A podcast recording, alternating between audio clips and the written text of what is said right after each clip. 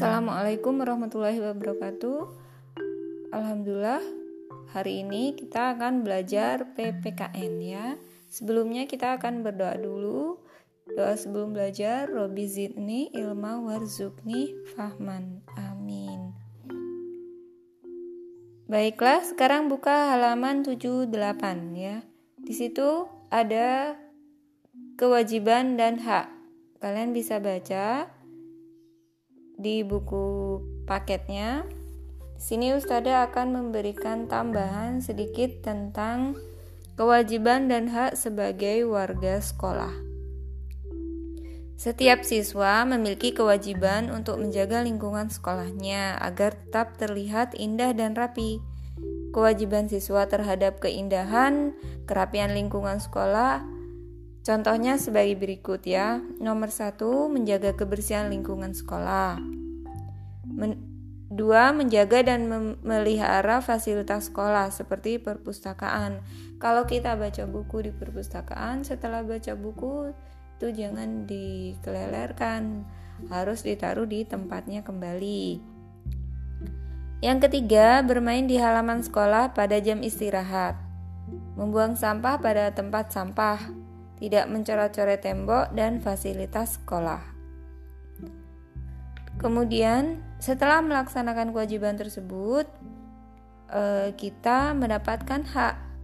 Contohnya, yang pertama, memperoleh ruang belajar yang bersih dan nyaman. Jadi, kelasnya itu sudah ditata rapi. Kalian bisa taruh sandalnya di mana, tasnya taruh mana, seperti itu ya. Kemudian yang kedua, memiliki lingkungan sekolah yang sehat. Lingkungan sekolahnya bersih, biasanya sama Bude, Bude selama itu sudah di pagi-pagi itu sudah dibersihkan, sudah dipel seperti itu. Kemudian yang ketiga, menggunakan fasilitas sekolah yang terawat dengan baik. Ya.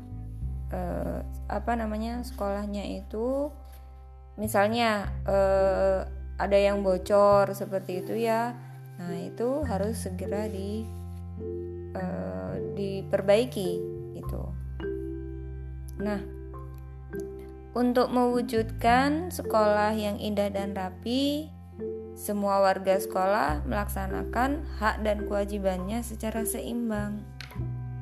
Semuanya harus menjaga.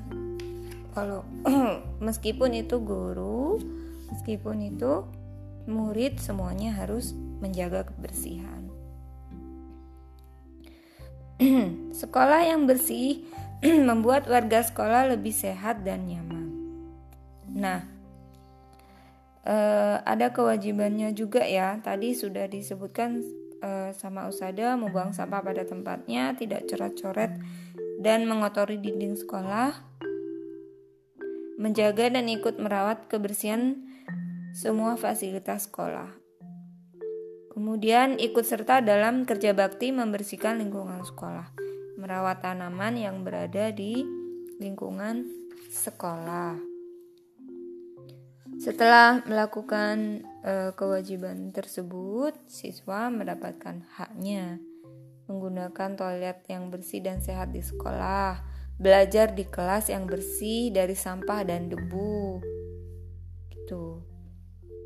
Biasanya Kasama Bude itu ya Bude selama itu sudah jendelanya sudah dilap sudah disemprot kemudian dilap kemudian karpetnya udah dibersihkan nah seperti itu karpet tempat kita sholat itu loh Kemudian yang ketiga, bermain bersama teman-teman dengan fasilitas yang terawat dengan baik. Yang keempat, memiliki lingkungan sekolah yang asri dan sejuk. Jika semua warga sekolah memiliki kesadaran untuk melaksanakan kewajibannya dengan baik, maka warga sekolah akan mendapatkan hak lingkungan sekolah yang bersih dan sehat. Seperti itu. Nah, sekarang Ustada ada lima soal Kalian boleh tulis di buku tulis, ambil buku tulisnya. Boleh ditulis di situ jawabannya apa. ya tulis jawabannya saja nggak apa-apa. Nggak usah ditulis soalnya. Kalau soalnya ditulis Ustazah boleh. Nomor satu kerjakan soal-soal berikut ya. Nomor satu Siapa yang berkewajiban menjaga lingkungan sekolah agar tetap bersih dan sehat? Kalian langsung tulis jawabannya nomor satu apa? Yang kedua, tuliskan pendapatmu. Menurutmu, apakah lingkungan sekolahmu merupakan lingkungan yang bersih dan sehat? Iya atau tidak? Yang ketiga, sebutkan apa saja kewajiban yang belum dilakukan oleh warga sekolah agar tercipta lingkungan yang bersih dan sehat. Yang belum dilakukan oleh warga sekolah agar tercipta lingkungan yang bersih dan sehat. Kadang kalau ada yang beli-beli di luar itu masih buang bungkusnya ya, bungkus jajannya itu ya. Kalau di lapangan itu. Yang keempat, menurutmu apa saja masalah yang dapat timbul jika warga sekolah tidak melaksanakan kewajibannya? Gak mau buang sampah. Gak mau uh, naruh sandal atau sepatu di rak. Nah seperti itu apa yang masalah apa yang timbul yang kelima menurutmu apakah kamu sudah mendapatkan semua hakmu untuk belajar di lingkungan yang bersih dan sehat. Apakah selama sekolah di Uli Albab, apakah sudah mendapatkan semua hakmu untuk belajar di lingkungan yang bersih dan sehat? Itu soalnya ya. Nah, di sini ada tambahan lagi tentang contoh kewajiban siswa di sekolah. Ini materi ya, bukan pertanyaan. Contoh kewajiban e, di sekolah dalam kehidupan sehari-hari antara lain kita juga e, menghormati guru selain kebersihan tadi ya. Menghormati guru, mentaati tata tertib dan peraturan yang ada di sekolah, menjaga ketertiban dan ketenangan di sekolah, memelihara kerukunan dan persatuan di sekolah, tidak saling bertengkar dengan teman, tidak saling mengejek gitu artinya eh, kita hidup rukun gitu ya.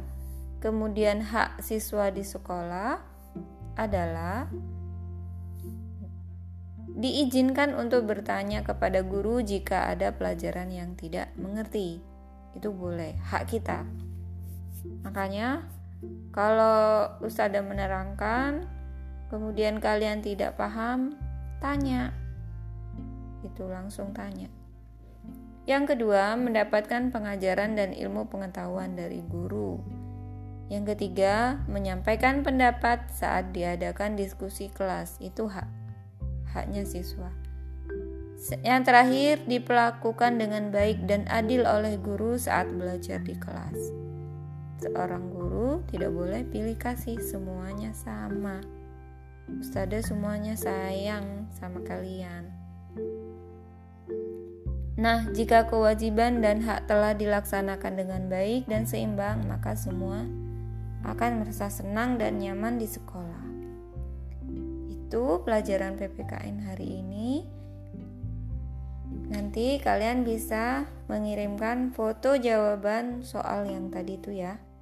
Kalau kalian masih uh, bingung, boleh diputar ulang ininya, uh, rekamannya ya. Saja dari Ustada. Kita tutup dengan doa kafaratul majlis. Subhanakallahumma wa bihamdika asyhadu an la ilaha illa anta astaghfiruka wa atubu ilaik.